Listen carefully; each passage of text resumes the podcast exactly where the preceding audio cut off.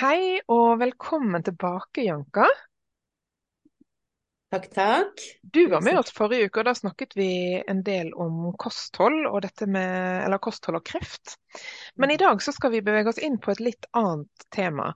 Og jeg har kalt episoden for eh, Tankens kraft.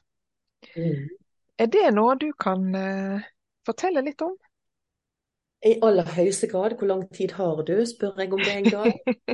um, tankens kraft også, bare for å lage en sånn liten brobygger ifra dette med, med, kost og kreft, så brukte jo jeg tankens kraft på å finne, finne frem til den. Eh, det kostholdet som jeg spiser nå på femte året, så for de som ikke har hørt på den første, så anbefaler jeg det. Mm. Eh, firmaet mitt heter Jankas Tanker AS.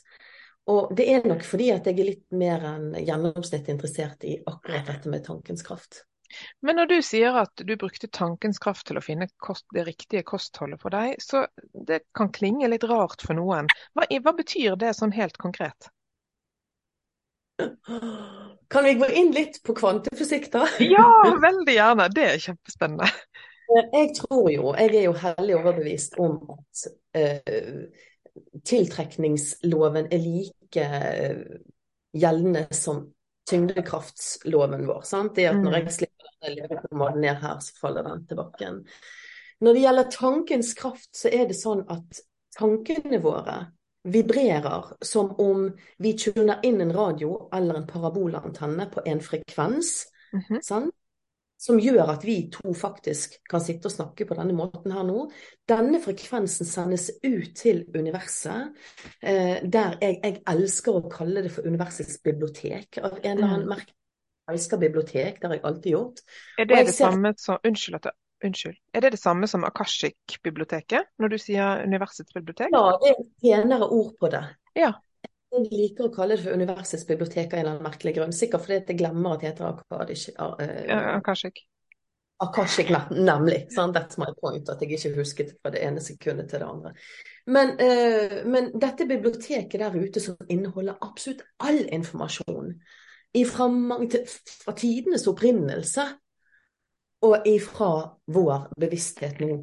Mm. Det som er så spennende, det er at den frekvensen vi sender på, vi sier jo det at tankene er veldig viktige. Men vet du det at tankene Nå, nå skal jeg bare få hun her inn i buret sitt. Ja, bare for de som ikke ser på YouTube, så har Janka med seg en veldig nydelig liten frøken. Du kan jo introdusere henne. Hun heter Lucy. Hun er en amazonpapegøye. Veldig nysgjerrig, veldig oppmerksomhetssyk. Yes. Veldig søt. Nå hører du på veldig lite bilde å komme inn i buret sitt. Hun hadde veldig lyst til å være med på denne episoden, men ja, det er koselig. Hun, hun får vi vie en hel time til seinere. Men poenget er at eh, La oss spole litt tilbake. Nå skal jeg stoppe opp litt med tankens kraft. For det er det vi snakker om tankens kraft. Det var det du ønsket. Ja, det ønsker jeg veldig gjerne. Eh, for mange år siden, ikke så veldig mange år siden, i 2008, eh, for meg som er snart 58, så er jo det ti minutter siden. Um, altså, ja. Du skjønner hva jeg mener. Mm. Um, snart 60, oh my god. Men OK. Um, så gikk jeg på uh, en gigasmell. Uh, jeg gikk på en sånn psykisk smell uh, så det singlet i veggen. Det var ikke en vegg, det var en glassvegg som bare raste. Da fikk jeg to angstdiagnoser. Den ene var panikkangst.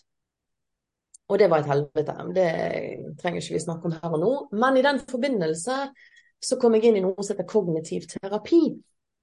Og for meg så har de jobbet med tankens kraft i en årrekke, mange, mange tiår. Trodde jo det at jeg var ferdig utlært i dette her. Mm. Og da blir jeg nødt til å le litt av meg selv akkurat nå. Man blir jo aldri ferdig utlært Nei. i dette. Den dagen vi sier morna og reiser hjem der vi kommer ifra, da har vi med oss den ballasten og den læren vi har i dette livet når det gjelder disse tingene. Det er jo det som er så spennende med å leve. Sant? Så kan man være enig eller uenig i hvilken kontrakt man har laget. Jeg har vært uenig i min kontrakt mer enn én en gang. Um, den gangen der så, så, lærte jeg i denne kognitive biten innad i psykiatriens verden at det tankene Alt genereres ut ifra en tanke, og dette var en veldig sånn nymotens lære innad i psykiatrien. Mm. Eh, at en tanke genererer Det kalles for det kognitive hjulet. En tanke genererer en følelse. Følelsen genererer en hendelse, altså du agerer på følelsen. Mm. Den ageringen, den hendelsen, lager og skaper en ny tanke. Ja. Og så kan du tenke deg at hvis det utgangspunktstanken er fryktbasert, mm. Finner jo dette hjulet helt ut av sin kontekst. Mm. Ergo så blir du liggende sånn som jeg ble liggende den gangen der, i fosterstilling og tro at jeg skulle dø. Det er, jo, det er, jo, sånn at angstens natur er jo gjerne irrasjonell, men den er jo virkelig allikevel. Angsten er jo helt fysisk ofte òg. Eh, så det er jo nesten Ja. Men det er en veldig, veldig fin forklaring det du kom med nå. Ja, og den er så fysisk. Og jeg har bare lyst til å si til alle som har opplevd dette her eh, Min hjerne fungerer sånn. Jeg lever jo av det åndelige. Jeg er jo klarsynt rådgiver. Mm. Har jo kurs i disse tingene her. Um, men min venstre hjernehalvdel har veldig mye å si for min personlighet. For for mm. meg skal det være logikk. Det er derfor jeg sier disse tingene her. Mm. Fordi at når du får Hjernen vår er jo utstyrt for å forsvare oss mot farer. Hjernen vår er jo sånn at det er jo den som stopper meg fra å hoppe utfor et stup og tro at jeg kan fly. Mm. Sant? Og mm. overleve. Jeg ja, har ingen ja. Heldigvis. Så takk og lov. Ja. ja. Men hjernen kan òg overbevise oss til det motsatte. Mm. Sant? Mm. Og det som skjer da hvis Forskjell på en reell fare og en tenkt fare er jo også tankens kraft. Mm. Sant? Og så er det mm. mange årsaker til hvorfor vi kommer dit hen at vi får denne angsten. Det skal ikke vi snakke om nå. Det er, det er i hvert fall Det kan jo være mange forskjellige ting, ja. Mm. Elleve forskjellige episoder i podkasten din, Veronica. um, og også veldig individuelle òg. Mm. Men tingen er her at um, det som skjer fysisk, for du snakket om at det var en fysisk opplevelse òg, i aller høyeste grad. Mm. Jeg reagerte med at jeg klarte ikke å stå på beina, jeg knakk sammen i beina. Mm. Eh, noen får hjertebank, noen som tror at de har hjerteinfarkt. Mm. Det er derfor det er så veldig vanlig å komme til, til sykehuset med, med, med, frykt for at du har hjerteinfarkt. Men det som skjer, det er at hjernen vår, som er så smart, reagerer på denne her tenkte faren. Mm. Med det fight, flight, freeze-konseptet. Det er kun de tre tingene hjernen vår klarer å absorbere i en tenkt fare på like måte som en eksistensiell, reell fare. Mm. Så reagerer du med I et splitt sekund så må hjernen vår tenke OK, er dette en reell fare? Hva gjør jeg? Eh, fryser du? Det er jo ingen som vet hvordan man reagerer i en reell fare. Heldigvis mm. verden så er det veldig sjelden, sant? Mm. Du, du stivner, du fryser, eller du fighter, du kjemper. Eller du flighter at du flykter vekk ifra. Og du har bare et nanosekund så hjernen din reagerer på. For at hjernen din skal kunne reagere så raskt, så trenger den blod. Mm. Så da henter den blod fra tærne og opp gjennom hele kroppen, forbi hjertet som bare står og banker. Gjerne ut ifra fingretuppene. Du får veldig ofte numne fingre og bein. Mm. For at hjernen skal få. Så du tror at du skal dø. Mm. og det er en helt reell følelse helt reell følelse. Mm. Så lå jeg i fosterstilling jeg, i tre måneder og trodde at jeg ikke Jeg, jeg vågde ikke gå opp i andre etasje i huset mitt engang. Mm. Men OK, tankens kraft var det vi skulle snakke om. Men her er tanken så sterk at den kan mm. lage somatisk problemstilling. Sant? Det som skjer hvis vi går tilbake, ville du si noe før jeg fortsetter? Ja, fordi jeg syns jo dette her er utrolig spennende. Og hvis tanken er så sterk og har så stor innvirkning på kroppen vår at den nesten kan simulere at vi holder på å dø Det er det han gjør? Uh, ja. Da må det jo kunne gå an å gjøre det motsatte også. Helt riktig. Helt riktig, og da er vi tilbake til kvantefysikken. Mm. Kan man tenke seg selv syk, så kan man tenke seg selv frisk. Yes. Og nå er det sånn, så jeg sier det, at tankene våre er ekstremt viktige, men det er følelser Det er i bakgrunnen. Jeg hører henne. Det er bare koselig med litt lyder. Ja, takk for det. Uh, der er vi delte meninger om det, da. Men ja, det men vet du hva, jeg er så dyrevenn, så i min podkast er det lov med en papegøyebakgrunn. um, dette med tankens kraft er helt, helt reell. Men det er følelsen som tanken vår genererer, mm. som er den frekvensen vi sender ut til universet. Og det vi tenker og ergo føler om oss selv, det tiltrekker vi oss. Mm. Det er veldig logisk.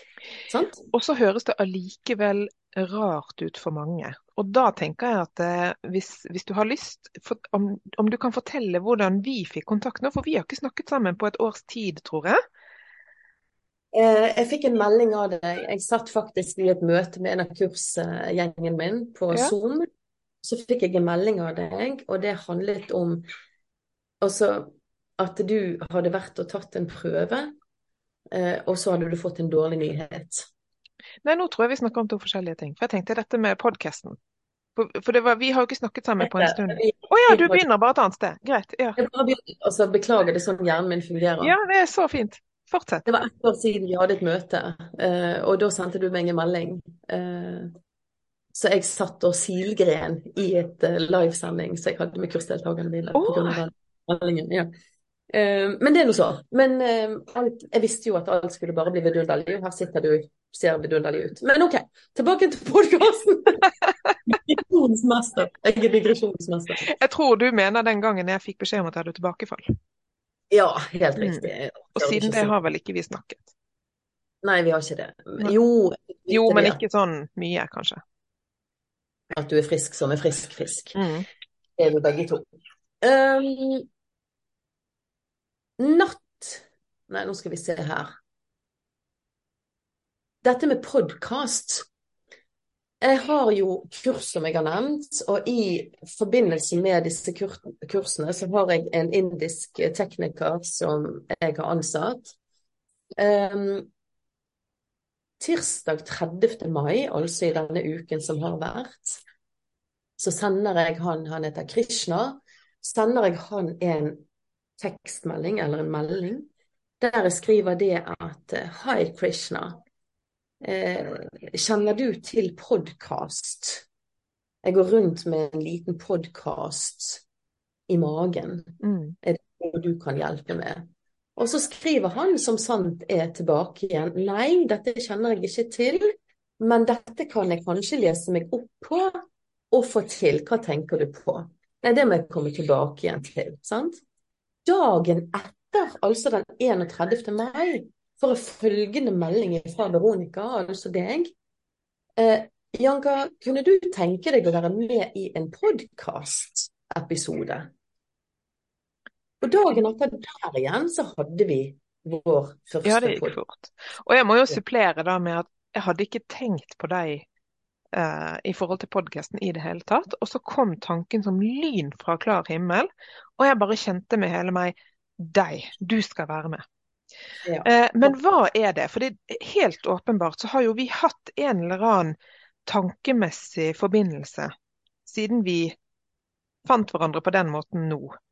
Ja. Kan du forklare litt sånn på, for de som syns det er litt vanskelig å forstå dette? Hva er det som har skjedd i, den, i det konkrete eksempelet? Vi mennesker og dyr og planter og papegøyer og you name it, vi er koblet sammen, alle sammen i dette livet og der vi kommer ifra. Sant? Mm. Der som vi kommer ifra alle. Selve livet, folkens, det er bare et pust i siv. Nå skal ikke jeg referere til det. Men vi er koblet sammen, alle sammen. Og jeg tror ikke på tilfeldigheter. Og de tankene Veldig ofte går vi mennesker inn i et spor som er vanskelig å komme seg ut av. Jeg kaller det for fredagstaco, lørdagspizza og søndagstur. Mm. For meg er det et, et hjul av en, et, et rotterace som vi mennesker legger på våre skuldre. I dette rotteracet her glemmer vi veldig ofte hvorfor vi er her mm. i dette. Det er om å gjøre å tilegne seg mest mulig av ting. Eh, og mest mulig av eh, anerkjennelse innad i jobb, karriere, ytre fasade. Mm. Og så er det veldig ofte vi glemmer hvorfor vi er her. Mm. Men alle, alle mennesker er født med en intuisjon. Alle mennesker har en kontrakt i dette livet for at vi skal lære. Det er liksom en del av utdannelsen vår. Mm. Så når du sender på den frekvensen en tanke der ute, så har du gjerne plukket opp min tanke. Og clouet er da, folkens, grip tak i den tanken uansett hvor liten den er. Mm. De aller fleste av oss bare Nei, uff, for noe tøys. Det der kan ikke vi. Det der, oh, nei, det der var jo bare tull. Nå må du gi deg, Janka. Sant? Mm.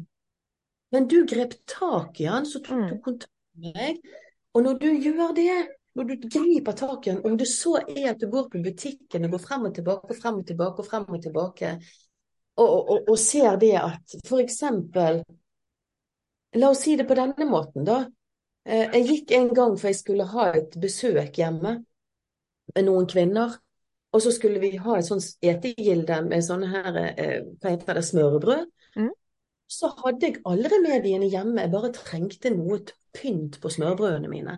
Så jeg gikk på butikken, og så sto jeg der og skulle plukke ut disse tingene, og så falt det en agurk ned foran bena mine.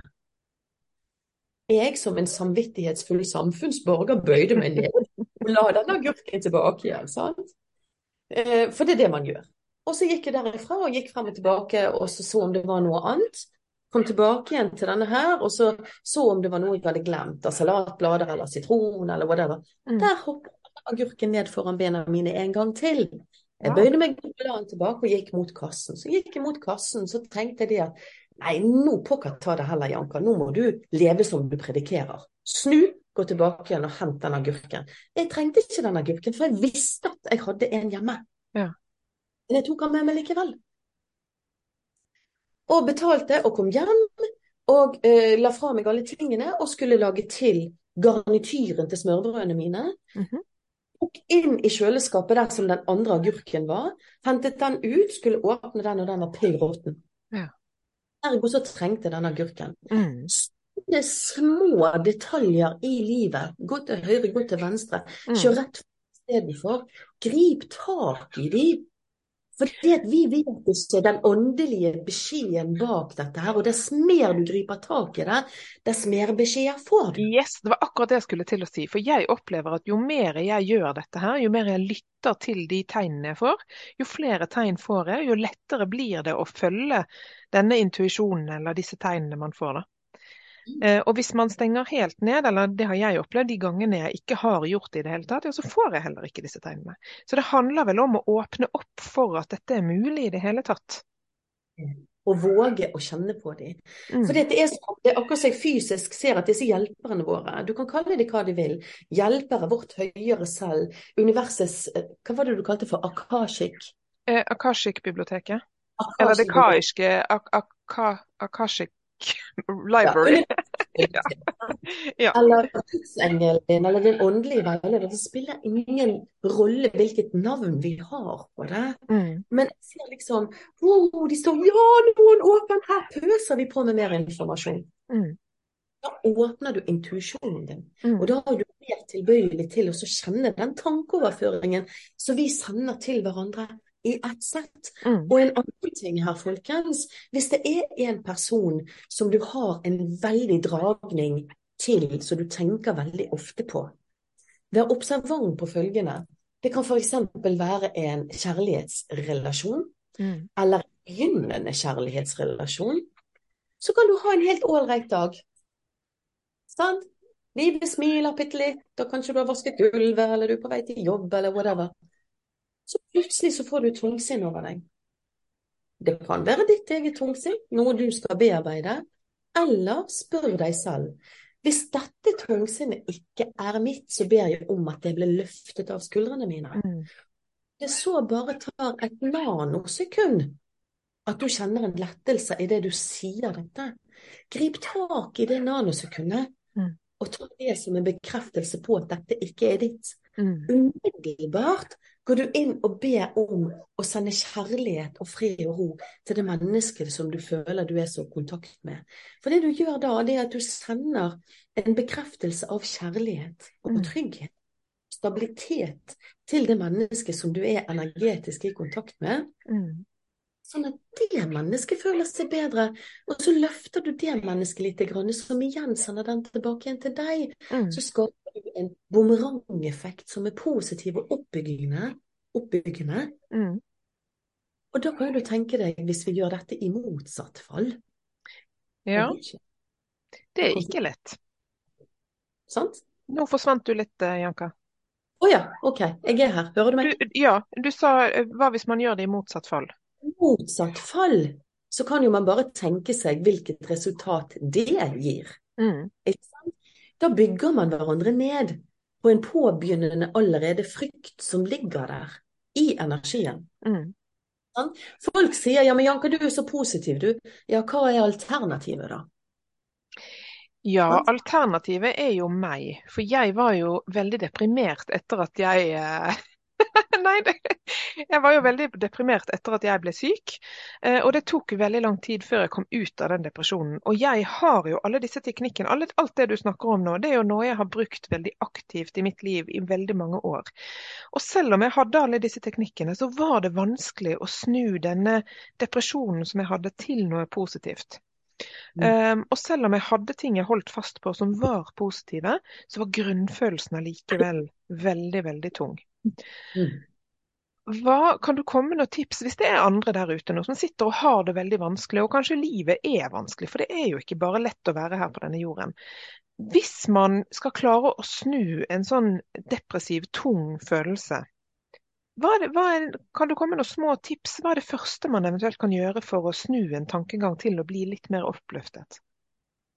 Å, dette er et stort, stort spørsmål, Veronica. Og jeg føler at jeg beveger meg inn på et område her som vi to i utgangspunktet ikke har lov til å snakke om, men som vi gjør likevel. Ok. Um, jeg har bare lyst til å referere tilbake inn til mitt liv. Mitt liv har overhodet ikke vært noen dans på roser. Jeg skal ikke gå inn på det, men det er en del av den podkasten som jeg har tenkt å lage. Mm. Opp fordi at jeg har lyst til å si at eh, mot alle odds, så sitter jeg her i dag. Mm. Uten å være alkoholisert, uten å være pillemisbruker og uten å være selvskader. Mm. Eh, og det er mot alle odds. Eh, jeg tror jo at jeg ble gruset den gangen av disse to angstdiagnosene mine fordi at jeg fikk en sjanse til å ordne opp. Mens jeg lå da ineffektiv i en fosterstilling. Men det var angstbasert. Jeg føler ikke at det var depresjon, for depresjon mm. er jo en annen greie. Mm. Jeg vågde ikke den gangen der å gå inn så mye som i en meditasjon en gang, for jeg var sikker på at jeg aldri kom meg ut igjen av meditasjon hvis jeg gikk inn. Mm. Så her handler det om å bygge sten på sten. Yes. Dette er ingen kvikk fiks. Men ser man ingen, og tro meg når jeg sier, og dette er også farlig for meg å sitte og si, jeg får tårer i øynene når jeg sier det. Uh, og så har jeg lyst til å nevne i samme slengen at Mental Helse sin uh, telefon er 116 123. Og, eller, og Kirkens Bymisjon sin er 2240 0040, hvis det er noen som grunn til å ha sånne tanker. Veldig bra du sa det. Ja, um, fordi at eh, mer enn én en gang så har jeg vurdert å gjøre slutt på livet mitt. Mm. Mer enn én en gang. Eh, fordi at jeg føler at Eller jeg har følt at det Den siste gangen jeg gjorde det, da satt jeg nede med fjorden der i den bygden som jeg bodde da.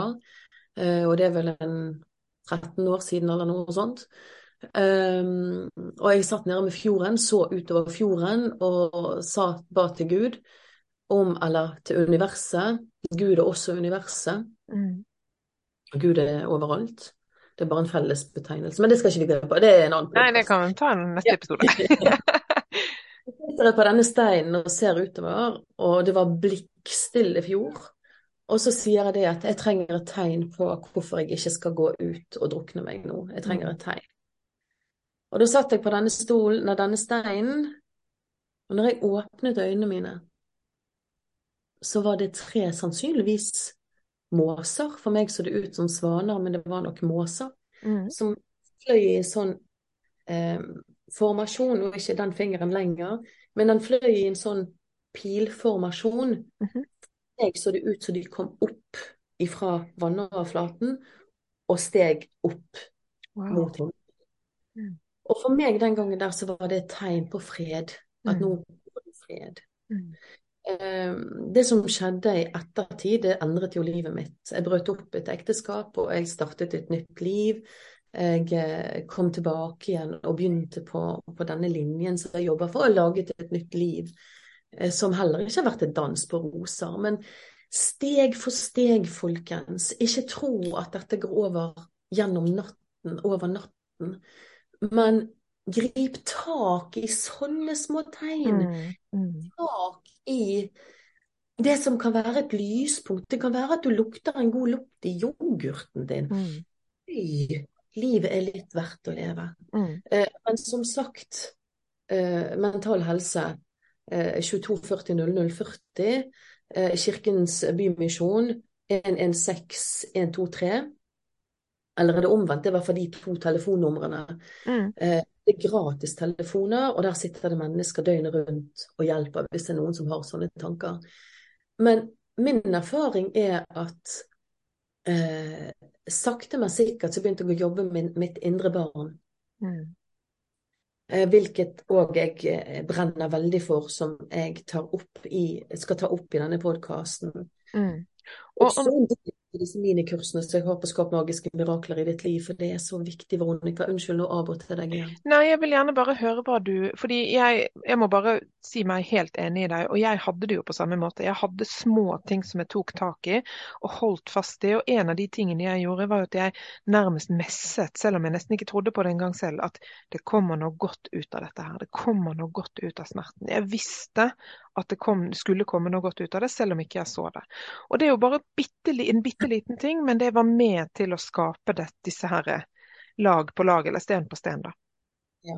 Og dette med affirmasjoner er jo noe som jeg lager hver eneste dag inne på gruppene mine. Sant? På Jankas tanker på Facebook, på Instagram, på TikTok, på YouTube. Så lager jeg disse her affirmasjonene. Affirmasjonene er jo en sånn messing, en gjentagelse mm. av det man vil skal bli. Mm -hmm. Men det hjelper lite å si disse tingene om man ikke mener det eller tror på det. For som sagt, som, så jeg hadde en som sa til meg for, for en del år tilbake Janka, nå har jeg brukt de der affirmasjonene dine, men de fungerer ikke. Å nei, sier jeg. Hvilken er det? Elsker meg sjøl, godtar meg sjøl. Det er en affirmasjon som jeg lagde. Mm i forbindelse med dette. Jeg elsker meg sjøl, jeg godtar meg sjøl, jeg godtar livsprosessen. Mm. Jeg er 100% sunn og frisk og sterk og full av energi og lykkelig. Sånn? Måten jeg sier dette på nå, er fordi at jeg sier det med en kraft fordi jeg vet at dette er sant. Mm. Jeg begynte der. Men så sier vedkommende det at eh, Ja, hvordan sier du det, spurte jeg vedkommende. Så svarer hun det at eh, elsker meg sjøl, godtar meg sjøl, jeg godtar livsprosessen. Jeg er 100 sunn og frisk og sterk og full av energi og lykkelig. Så sier han, men mener du det? Hva mener du? Du må mene det, for følelsen mm. inni deg er det det som skaper magi. Mm. Derfor, folkens, når man er på det depressive stedet, så sender man ut disse tankene. Mm. Så får man mer å være depressiv av å komme inn i det hjulet. Det er så vanskelig å komme ut av. Men ta ett og ett steg. Mm. Når jeg går inn i kreften min for fire år siden og fikk kreft, da gikk jo jeg fullstendig i kjelleren. Men av at jeg hadde den ballasten fra angstepoken min, så stakk jeg opp igjen igjen og så sa jeg ikke mm. faen. Ikke mm. faen om dette skal knekke meg nå. Så mm. begynte jeg å kjempe istedenfor. Og da annet med at jeg brukte en av Louis Hay sine teknikker, eh, som eh, er dette med affirmasjon. Det er jo Louis Hay jeg er veldig inspirert av i mitt arbeid. Mm. Da tok jeg en bok, og så skrev jeg den setningen som jeg nettopp refererte til, 'Jeg elsker meg selv, godtar meg selv', 20 ganger med hånd og papir inn i en bok hver eneste dag.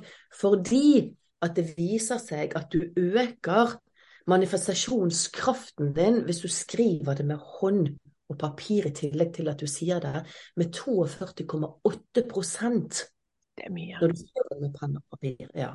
Er det det man kan oversette til journaling? For det er det jo veldig mange som snakker om. Jeg aner ikke hva det betyr, men det høres veldig riktig ut. Ja, Det er jo det at man skriver for hånd. Eh, men det kan jo være, ja, Og gjerne det man ønsker i livet òg. Hvis jeg ønsker meg en eh, bondegård, at jeg da begynner å, å, skrive ned for hånd hva skal denne gården inneholde, hvordan skal det se ut, altså alle disse tingene som jeg ser for meg, da. Nå smiler jeg, for jeg vet at, det vet du at jeg vet at du kommer til å få dette her. Ja, ja, og det gleder jeg meg til. Jeg kaller det bare for penn og papir. Ja, det er viktig. 80 folkens, øker eh, denne her eh, manifesteringskraften. For det er noe med at når man skriver med hånd og papir, så blir du nødt til å koble på hjernen din. Mm. Hjernen din skaper en følelse som hjelper deg å lage en kraft bak disse ordene. Du skriver ikke det bare med touch-metoden på en maskin, ikke mm. sant? Du forsvant litt akkurat når du sa hvor, mye, hvor mange prosent sjansen for at det skulle manifestere seg eller virke økte. Var det 42? 42,8% 42,8, Det er jo helt, det er jo helt utrolig. Det helt utrolig. Dette har jeg fra en som har vært coach for veldig mange av USA sine presidenter. Eh, som, som, har coachet og forsket på dette, uten at jeg husker navnet hans nå, dessverre. Så mm. var det det tallet jeg hengte meg opp i. Men, men, det er kanskje ikke så farlig heller, for vi vet jo, det har vi jo visst i veldig mange år, dette med f.eks. å skrive dagbok, hvor helbredende det kan være. Og det er jo også noe man gjerne gjør for hånd, ikke sant. Ja. Og det anbefaler vel psykologer fortsatt en dag i dag, at man skriver dagbok, at man skriver ned for hånd.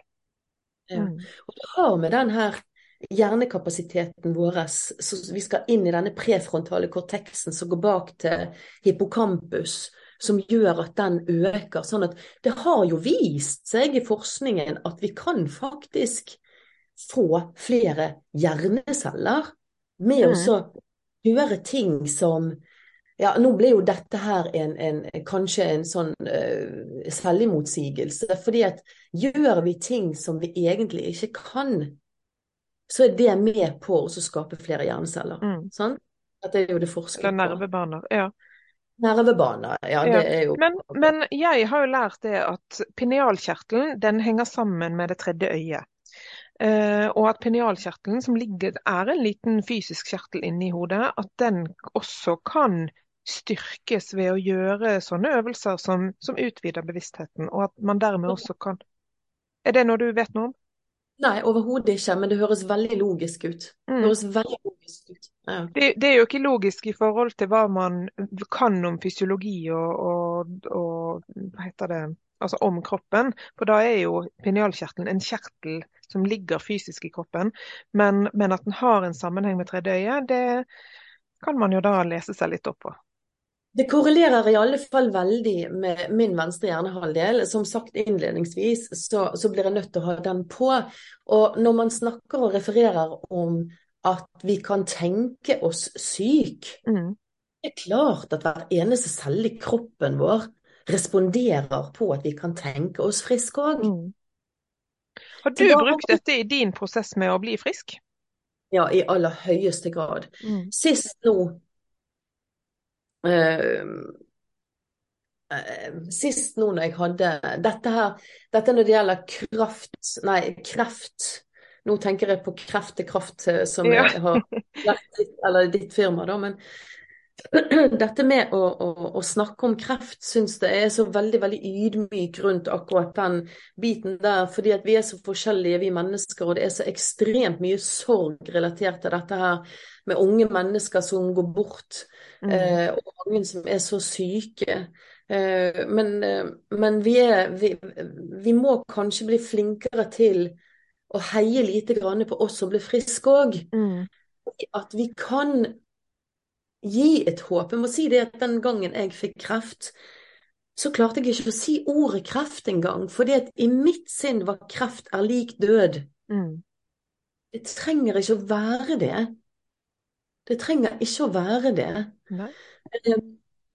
og da, i den forbindelse, har jeg brukt det jeg søkte opp, det var jo Men det må dere høre den første podkasten om.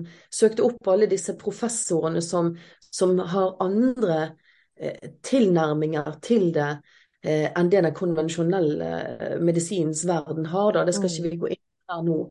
Men jeg brukte tankens kraft til å finne disse menneskene. Mm. Jeg brukte tankens kraft til å gi meg et tegn på hvor jeg skal finne dette. Mm. Gi meg et tegn på hvilken mat som er bra for meg.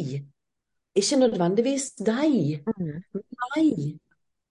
Eh, og det er en Den, viktig forskjell. Det, det er en, en veldig viktig forskjell, og det er veldig viktig for oss som snakker om den alternative verden, å holde oss innenfor. Mm. Er det paragraf 7 i lov om alternativ behandling? Som heter Eller jeg tror det er paragraf 7. Eh, det er den samme som, som du som helsepersonell sier det at vi healere, du er vel healer du òg, mm. du er reiki-healer, jeg er mm. godkjent holistisk healer. Vi har rett og slett ikke lov til å gå rundt og si at vi kan gjøre noen friske. Nei. Og, det, og det, jeg tenker det er viktig å dra frem også at selv om du har brukt disse teknikkene, så har jo du fått konvensjonell behandling i forhold til kreftsykdommen din også. I aller høyeste grad. Det er jo ikke enten eller. Barna mine vet jo hvor koko mamma de har. sant? Jeg har tre voksne barn. Så det første de sa, det at du kan våge deg å nekte konvensjonell behandling. Mm. Jeg, eh, men jeg følte òg igjen den venstre hjernehalvdelen min fortalte meg det at det var lurt. Mm. Eh, cellegiftbehandlingen Jeg fastet jo en dag før og 24 timer etter hver cellegiftbehandling. Mm. Noe som jeg tror gjorde at jeg tålte den mer, bedre. Mm. For det var en knallhard eh, cellegift. Det var en sånn halvannen dosering sterkere enn det som var normalt. Men jeg ble hentet av ambulanse en dag, for jeg fikk pustestopp og sånt. da. Men likevel så taklet jeg den. Mm. Og det er òg tuftet på forskningen til han som jeg nevnte i forrige episode, eh, professor Walter Lungo borte på ja. University of Southern California. Men igjen, disse tingene brukte jeg tankens kraft på å finne. Mm. Ingen som sa til meg på sykehuset, selv om jeg forguder de som jobber på sykehus, for meg er de engler i hvite drakter, og jeg tuller ikke engang. Jeg tuller Nei, det er jeg helt enig. Jeg er helt enig. Fordi at det de menneskene der må oppleve eh, i en hverdag, og det vet jo du bedre enn meg, i alle mm. fall, det er imponerende. Og imponerende hun kirurgen som klarte å gjøre det som hun gjorde med å legge ut min tarm ut av min kropp, sånn at jeg fremdeles kan leve. Mm. Altså, oh my god, tenk på hun har strekke ja.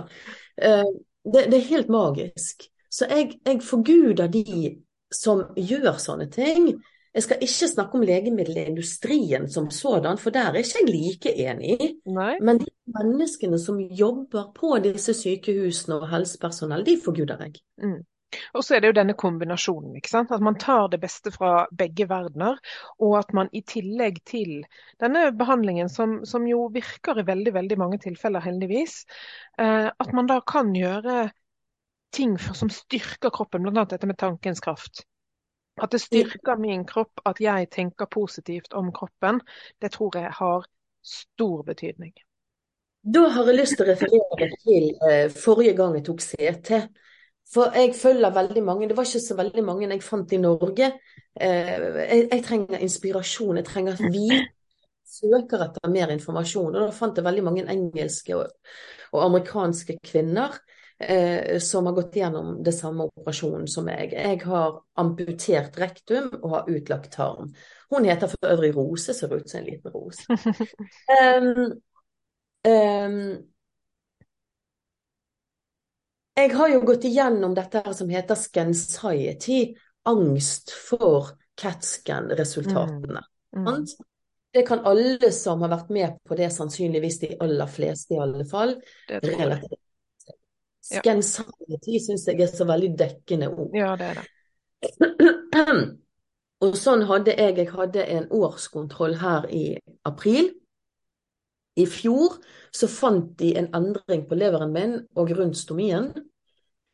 Og med en erfaring som jeg hadde med en lege eh, i, i, august i 2020, som jeg også tror jeg snakket om i forrige episode, mm. Um, jeg skal ikke nevne det nå, lytt til den episoden. så var jeg kjempenervøs. Jeg var kjempenervøs når jeg skulle ha denne her eh, skanningen med tankens kraft. sant? Og du kan tro jeg lå våken hele natten og gikk gjennom meditasjoner og tankens kraft, og jeg er frisk, 100 sunn og frisk og sterk, frisk som en frisk fisk. Og koble følelsene på. Det er bare det at når angsten overtar, så er hjernen vår så utrolig flink. Mm. Den er så flink, så du må liksom inn nesten og bli lobotomert mm. for å skjønne hvordan han skal fungere på følelsene. Så jeg kjempet en kamp og gikk glad og fornøyd. Uh, not so much. Men søkte å være glad og fornøyd når jeg gikk til sykehuset den morgenen og skulle ta CAT-scan, CT-en. Så sitter jeg på venterommet, og så kjenner jeg at kroppen min, tankene mine var på plass. Jeg jobbet og jobbet og jobbet og jobbet at dette skulle bli så bra men følelsene fulgte ikke med. Nei. Så sitter jeg på venterommet sammen med noen andre, så begynner kroppen min å skjelve. Og så han begynner fysisk å riste av angst. Han begynner fysisk å riste av angst. Jeg sier til de som sitter der, kan dere passe på tingene mine, jeg må bare rett inn på toalettet. Jeg gikk rett inn på toalettet og sa til kroppen min dette beliter jeg meg ikke på. Er det et bergensk uttrykk? Ja, det tror jeg. Jeg har ikke hørt det andre steder enn i Bergen. Jeg beliter meg ikke, jeg godtar ikke ja. at du skal begynne å riste nå, sa jeg til mm. kroppen min. Men du vet, hjernen min husket angstanfallene mine. Mm. Og hjernen vår er smart. Så det jeg gjorde der og da, jeg hørtes ut sannsynligvis en helt ko-ko dame, hvilket mine barn kan verifisere. Jeg gjorde for å få kroppen min på plass det var det at jeg sto rett opp og ned med armene over hodet og hoppet foran speilet, fysisk, mens jeg sier det at å, jeg er så takknemlig fordi at jeg er 100% jeg er 100% sunn og frisk og sterk og full av energi og lykkelig, Alt godt kommer til meg, jeg har alltid alt det jeg trenger til enhver tid. Jeg er 100% sunn og frisk og sterk og full av energi og lykkelig. Og jeg hoppet opp og ned. Det er jo klart at de som satt utenfor, hørte dette. Sant? Men det kunne ikke brydd meg mindre i gjerningsøyeblikket. Men det resultatet at jeg klarte å roe kroppen min, ja. tørke tårene, slengte på håret og gikk ut igjen og satte meg ned. Så kom jeg inn i skanningen, og før du ble kjørt inn i dette her hullet, så var kroppen min helt rolig, helt avslappet, såpass at jeg lå og smilte når jeg lå der og holdt pusten. Fantastisk. Jeg tvang tankene mine til å respondere på følelsene mine. Mm. For igjen, det er følelsene tanken genererer, mm. som er tiltrekningskraften. Mm. Og så skal jo det sies det at kroppen min er helt frisk. Det fikk jeg jo bekreftet tre uker seinere. Flott. Gratulerer. Takk. Jeg må jo si at det er veldig godt å høre at du som har alle disse redskapene og så mange års erfaring, allikevel får disse kroppslige reaksjonene altså Misforstå meg når jeg sier godt, forresten, for det er jo ikke godt. Men, men at man ikke er Ja, eh, at, det, at til og med du er bare et menneske. Og så, når, når, når, du har de redskapene og faktisk bruker dem, at du klarer å snu det. Mm. Og jeg tror at, at det utgjør en vesensforskjell når man klarer å snu det. Men jeg vet ikke om du kjenner deg igjen i det, men jeg vet at veldig mange eh, Nå skal ikke jeg legge noe på andre, nå kan jeg bruke meg selv. Jeg har også opplevd det at det faktisk kan være litt godt å være i smerten òg. At det er noe trygt ved å være i smerten og angsten. Um, og det vet jeg at mange opplever i forhold til misbruk, i forhold til andre ting i livet. At det, at det nesten er en trygghet i å være i det kjente, selv om det kjente er smertefullt og vondt. Um, er det noe, du nikker, men er det noe du kan relatere til? Uh, i aller høyeste grad, eh, og det gikk faktisk opp for meg akkurat nå når du sa det, dette med KMM, kos med misnøye. Mm. Fordi at eh, da er vi tilbake igjen til min oppvekst. Vi er tilbake igjen til eh, årsaken til at vi lever på denne jord, denne her læringslivet, eh, denne livslinjen vår, mm. hva vår sjel ønsker å ha som erfaring i dette livet her, og du aner ikke hvor mange ganger jeg har sagt det at jeg skal være klinisk edru neste gang jeg dør. Mm. Sånn at neste kontrakt jeg skriver skal være litt annerledes. Men det som du sier der, det er jo faktisk noe som jeg bevisst slash mest ubevisst har gått igjennom et helt liv. Yes. Noe som igjen gjør at jeg ser i mine relasjoner har um, lidd under. Mm. Fordi at min oppførsel mot andre mennesker som har stått meg nær, det har ikke blitt sånn som jeg hadde sett for meg, som jeg trodde at jeg skulle være. Skjønner du? Det er Mm. ikke lenge siden jeg sendte en melding. Eh, Kan jeg få lov å lese den meldingen? Ja, For det beskriver så veldig det som du er inne på. Um, og så skal jeg ikke fortelle hva mine barn sa. Vi har, jeg har en, en gruppe som heter Mine vidunderlige barn, fordi vi syns jo alle best om vår egen drit, som en mormor alltid sa. Ja. Eh, nå skal vi se her. Ja, altså, vi, den, den, det er jo langt tilbake. Her. Følgende melding skrev jeg, og dette var i april, rett etter jeg tok skanningen. Mm. Det var før jeg fikk eh, tilbakemeldingen om at jeg var frisk. Mm. Hei, dette var klokken halv tolv om kvelden. Hei, sa mine vidunderlige barn. Jeg elsker dere. I en alder av 57 og et halvt år har jeg bestemt meg for å endre meg radikalt. Nå må du huske på at jeg har tenkt positive tanker så lenge jeg er født, har jeg trodd. Mm. Ja. Jeg har bestemt meg for å endre meg radikalt. Jeg har tenkt lenge, egentlig i mange år, at jeg virker ofte veldig dømmende. Jeg tror jo ikke sjøl at jeg virker dømmende, men når jeg kjenner etter inni meg sjøl, så kanskje jeg er det likevel. Mm. Jeg eh, ting jeg sier og hvordan jeg responderer, bevitner om dette. Jeg er egentlig ikke slik. Dette er noe jeg har mislikt med min mor hele livet. Og jeg orker ikke tanken at dere tenker slik om meg nå. Eller viktigst, opplever meg slik. Dette er nok et nedarvet tankemønster fra generasjoner tilbake. Noe som uten tvil bunner i usikkerhet, en form for trang til selvhevdelse. Mm. Jeg er opprikt, jeg oppriktig beklager for alle dumme kommentarer, påstander og andre uhumskheter jeg har påført dere tre og alle andre ofre. Mm. Dere aner ikke hvor mange ganger jeg i retrospektiv har ønsket å bite av meg tungen. Mai, nei, ny start, nye muligheter. Nå skal jeg gå på bunnpris og kjøpe mat som jeg har glemt.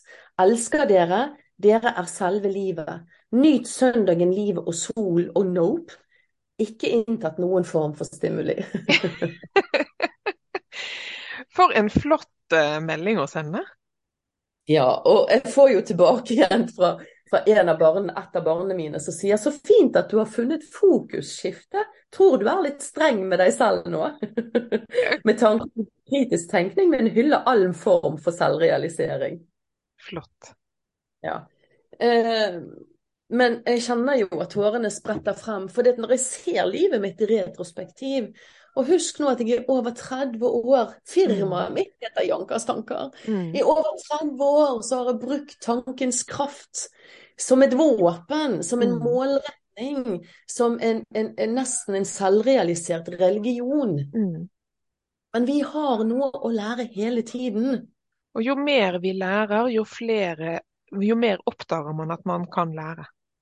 Helt riktig. Mm. Men å være åpen for at oh my god, jeg tenker at jeg er skilt av dette her. Mm. Jeg tenker at Nei da, vi er skilt på så veldig mange andre måter. Men jeg tenker at jeg har tiltrukket meg mennesker i livet mitt fordi at jeg skal lære. I aller høyeste grad angstdiagnosene mine. Magesår. Eh, jeg ble skubbet og fikk kne ut av Eh, og nå sist kreften. Mm. Så er det veldig mange fagfolk som sier å herregud, der er hun fullstendig ko-ko. Hun tror hun fikk kreft fordi at hun har hatt negative tankebane. Vet dere hva? Ja, jeg har det, Mm. faktisk. Jeg tenker var- jo nøyaktig som deg. Jeg tenker ja. også at en, en, annen grunn enn bare fysiologisk til at jeg har fått kreft. Uten at vi trenger å gå inn på det. Men det jeg har lyst til å si, det er når, når du forteller at du på et, på et uh, hospitalstoalett klarer å snu kroppen, mm. uh, så kjenner jeg på det helt motsatte. Fordi jeg, jeg, har kjent på den samme angsten. Tårene spretter og ligger og rister på setebordet, eller, eller hva det heter. Um, men for meg så har det vært godt at de rundt meg har sett det. Fordi da får jeg jo den omsorgen jeg så sårt lengter etter. Jeg vil jo bare at noen skal se hvor vondt jeg har det, og holde rundt meg. Og jeg tenker også i forhold til det du forteller ja. Nei, ja, nei, det du forteller om den meldingen. Ikke sant? Det du forteller om denne fordømmelsen du kanskje tenker at du har hatt for, i forhold til andre mennesker, er det også dette lille barnet som bare skriker etter å bli holdt rundt og bli sett og få omsorg? Ja, nå begynner jeg å grine. Ja. ja. For det er to måter man responderer på. Det er veldig mange måter man responderer på. Den ene er se meg, mm. se meg, vær så snill og hold meg. Sant? Mm. Som du gjør. Jeg har stengt av, og så blir jeg tøff. Ja. Jeg ligger og blir selvironisk. Det som jeg gjorde nå, det var det at jeg skulle vite OK, nå tar dere bilder av meg, jeg vil vite hvor disse bildene går. Fortell meg hvem som ser de. Hvem er det som skal se dette, hvordan er forløpet? Jeg er mm. vitebegjærlig, fortell meg det. Det er mitt skjold fra å mm. våge å gå inn i den frykten mm. som du sier. Jeg har lyst til å si at den måten du responderer på, er sunnere, Veronica. Ikke nødvendigvis. Jeg tenker ikke det. Jeg tenker at det bare er annerledes. Ja, du våger i alle fall å vise den sårbarheten, sant? Mm. Men, men, det holder meg jo også fast. Fordi at da blir sårbarheten et våpen, eller ikke et våpen, men en måte å få oppmerksomhet på som heller ikke er bra. For ja, jeg trenger å bli holdt, jeg trenger den omsorgen og kjærligheten og varmen, men det gjør meg ikke godt å ligge der og gråte hver gang. Det beste hadde vært å være rolig og gå inn og ut. Arnepunktet for begge disse reaksjonsevnene her, eller metodene her, eller mm. reaksjonene, heter det vel, det er jo dette lille indre barnet. Mm. Lille indre barnet som totalt ute å kjøre akkurat der. Mm. Eh, og så kan du si det at ja, men dette er jo en helt naturlig eh, respons fra en som er redd. En som er redd for å dø, f.eks. Sant? Mm. Det har jo jeg kjent på x antall ganger, spesielt etter denne her kreftdiagnosen. Og den gangen jeg hadde angsten min. Da var jo jeg sikker på at jeg skulle dø hvert minutt på dagen, ergo så lå jeg jo Ti år brukte jeg. Ti år brukte jeg på denne angst for angsten. Det var først når jeg fikk kreft den angst for angsten slapp taket. For det, da hadde jeg plutselig en reell fare som jeg måtte mm. ta mm. istedenfor tankene. Sant? Men ankepunktet ligger jo i, i, dette indre barnet. Å gå inn og så snu disse blokkeringene som dette indre barnet har, sånn at vi ser det. Og det er jo der jeg, når jeg jobber så bevisst at jeg har kommet dit hen at jeg bare for to måneder siden kunne skrive en sånn melding. Mm. Jeg har kurs i tankens kraft, jeg har kurs i manifesteringskraften. Jeg jobber daglig med dette. Mm. Likevel så er jeg bare et menneske, jeg òg. Mm. Og det er viktig å anerkjenne det òg. Veldig viktig, for her er det ikke én fasit på alt. Men det viktigste vi gjør, det er også å anerkjenne dette lille indre barnet vårt. Sorgen, blokkeringene. Jeg var hos en psykolog i forbindelse med et foredrag en eller annen gang for, for 36 år siden. Da var det nymotens psykologi som var på banen. Det har alltid interessert meg. Mm. Denne personen her kom med at de blokkeringene vi har som fra 0 til 5, 0 til 7 år gammel, de legger seg Hvis du ser at hudlaget vårt ser sånn ut, sant? Mm, mm. så legger de Du vet at urenheter i huden kan legge seg helt nederst her i form av en uren hud. Mm. Urenhet i huden. Og uh, i alle fall når vi er veldig hormonelle, vi kommer i uh, ja, tenårene da, for eksempel, sant? så kommer disse her urenhudene Det spiller ingen rolle hvor man er henne, men disse urenhetene i huden kommer til overflaten en eller annen gang i livet. Uansett. Mm. Gjerne i form av en kvis eller en byll eller et sår eller hva som helst. De blokkeringene vi får på vårt indre barn jeg bruker å si, Etter at jeg var på det foredraget der, så ser jeg for meg inni mitt hode at vi har en skala på disse blokkeringene. Og det bruker jeg veldig ofte i min undervisning. Denne skalaen, eh, den er eh, ifra den ene blokkeringen som jeg føler kanskje er den minste inni mitt hode, det er det at du får ditt første nei, f.eks. du er tre eller fire år gammel, mm. og så får du det første nei, du får ikke den sjokoladen i dag. Det er det første nei i denne her dronningen eller kongen som de tror, for vi mennesker er jo de mest hjelpeløse skapningene på jord.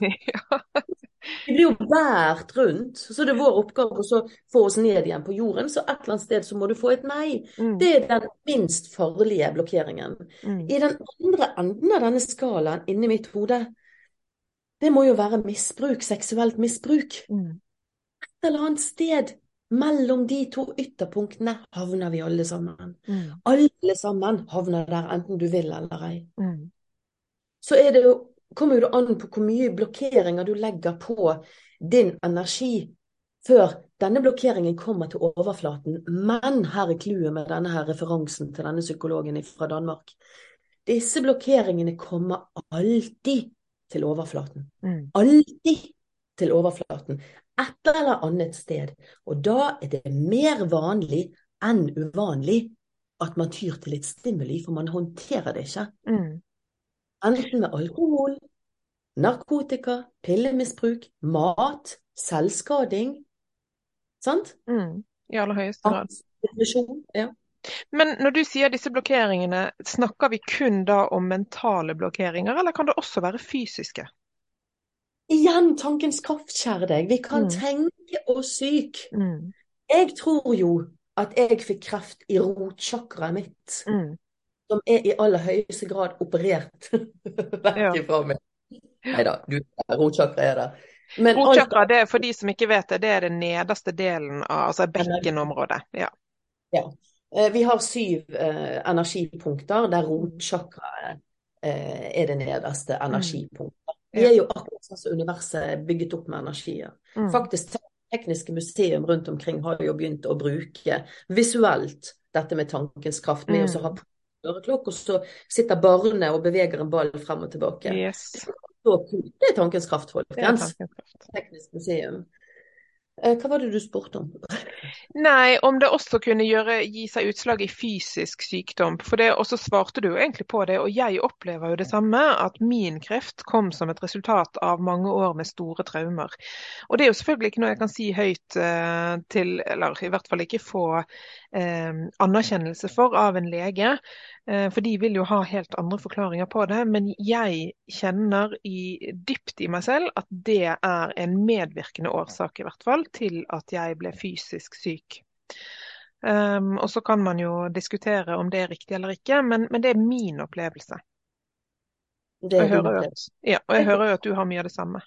Mye av det samme, men vet mm. du hva min lege sier, eller sa til meg? Mm.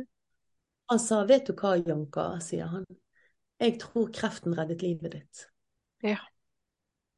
Og han har vært lege i 40 år, tror jeg. Hva, hva, kan jeg spørre hva han la i det? Han la i det at jeg snudde om livet mitt 180 mm. eh, 180 grader i hvert fall. Mm. Eh, jeg la jo om eh, livet mitt fullstendig. Mm. Um, og han bare sitter sånn Åh! Han sitter sånn og han tror ikke sine egne øyne. Alle verdiene mine som tidligere, eh, når jeg gikk inn i overgangsalderen min Apropos dette med misbruk. Mm. Hormonene mine jeg, jeg, altså Det var jo en selvskading jeg holdt på med i form av mat. Mm. Blodtrykket mitt var jo skyhøyt. Og han fikk ikke det ned der han ville at det skulle ha det. Mm. Grunn av kreften så våknet jeg og nå lever jo jeg sånn som jeg forklarte i Ja, for... veldig strengt. Jeg kjenner jo, jeg, hører, jeg, har jo ikke samme kosthold som deg, men jeg kjenner jo faktisk på akkurat det samme. Mm. Jeg gjør det.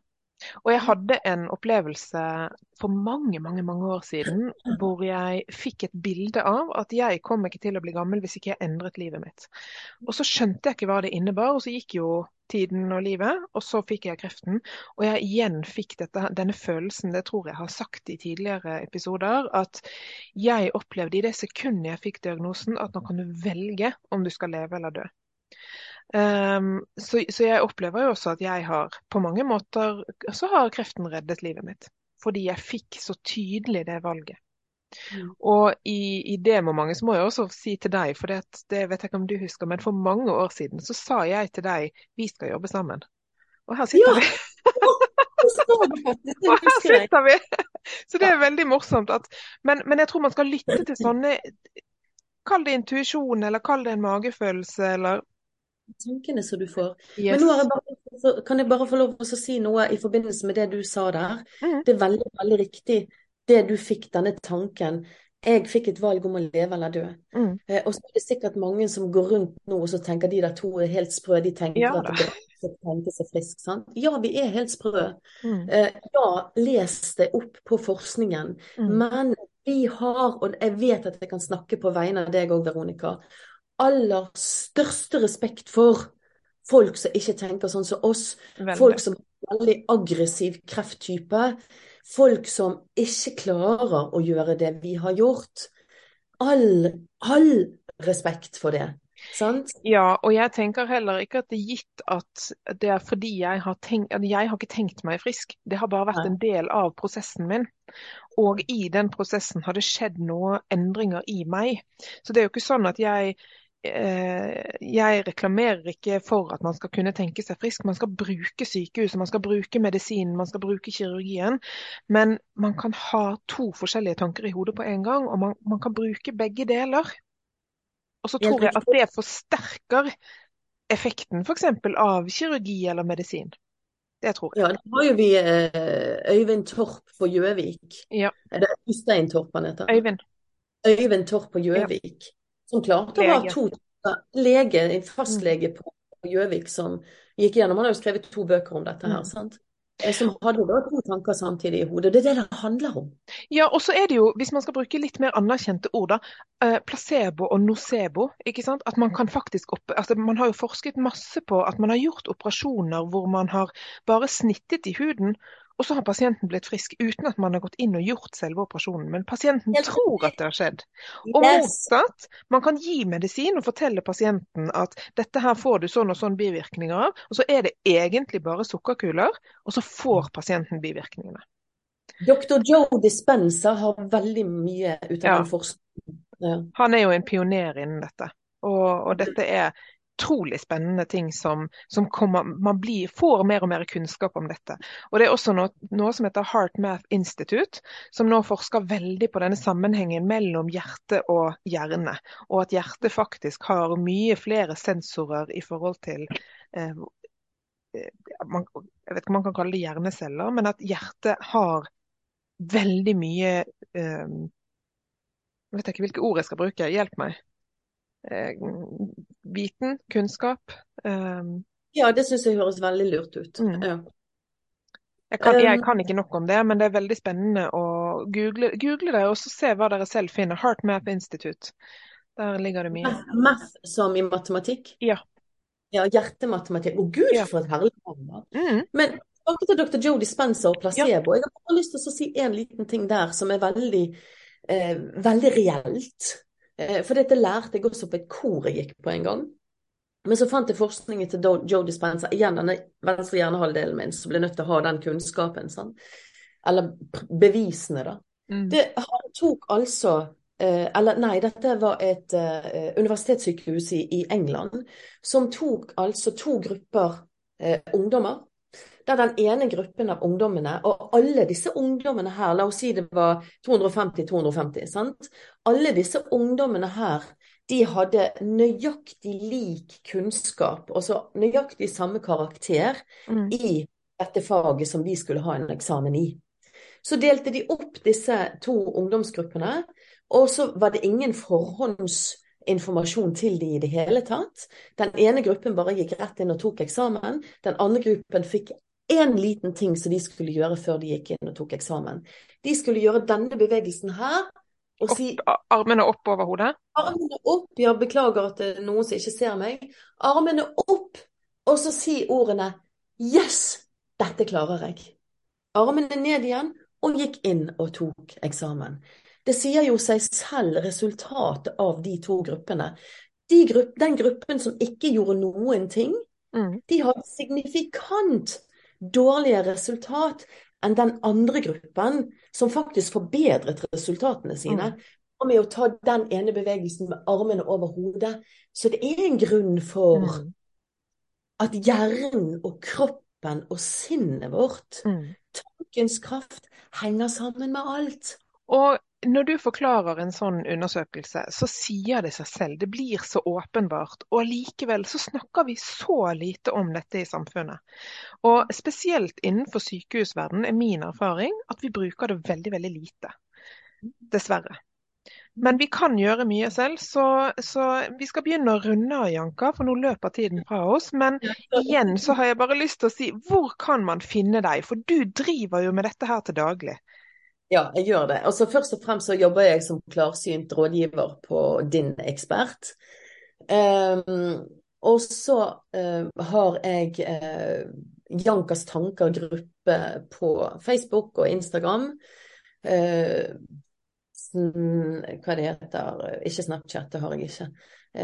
TikTok og, og YouTube.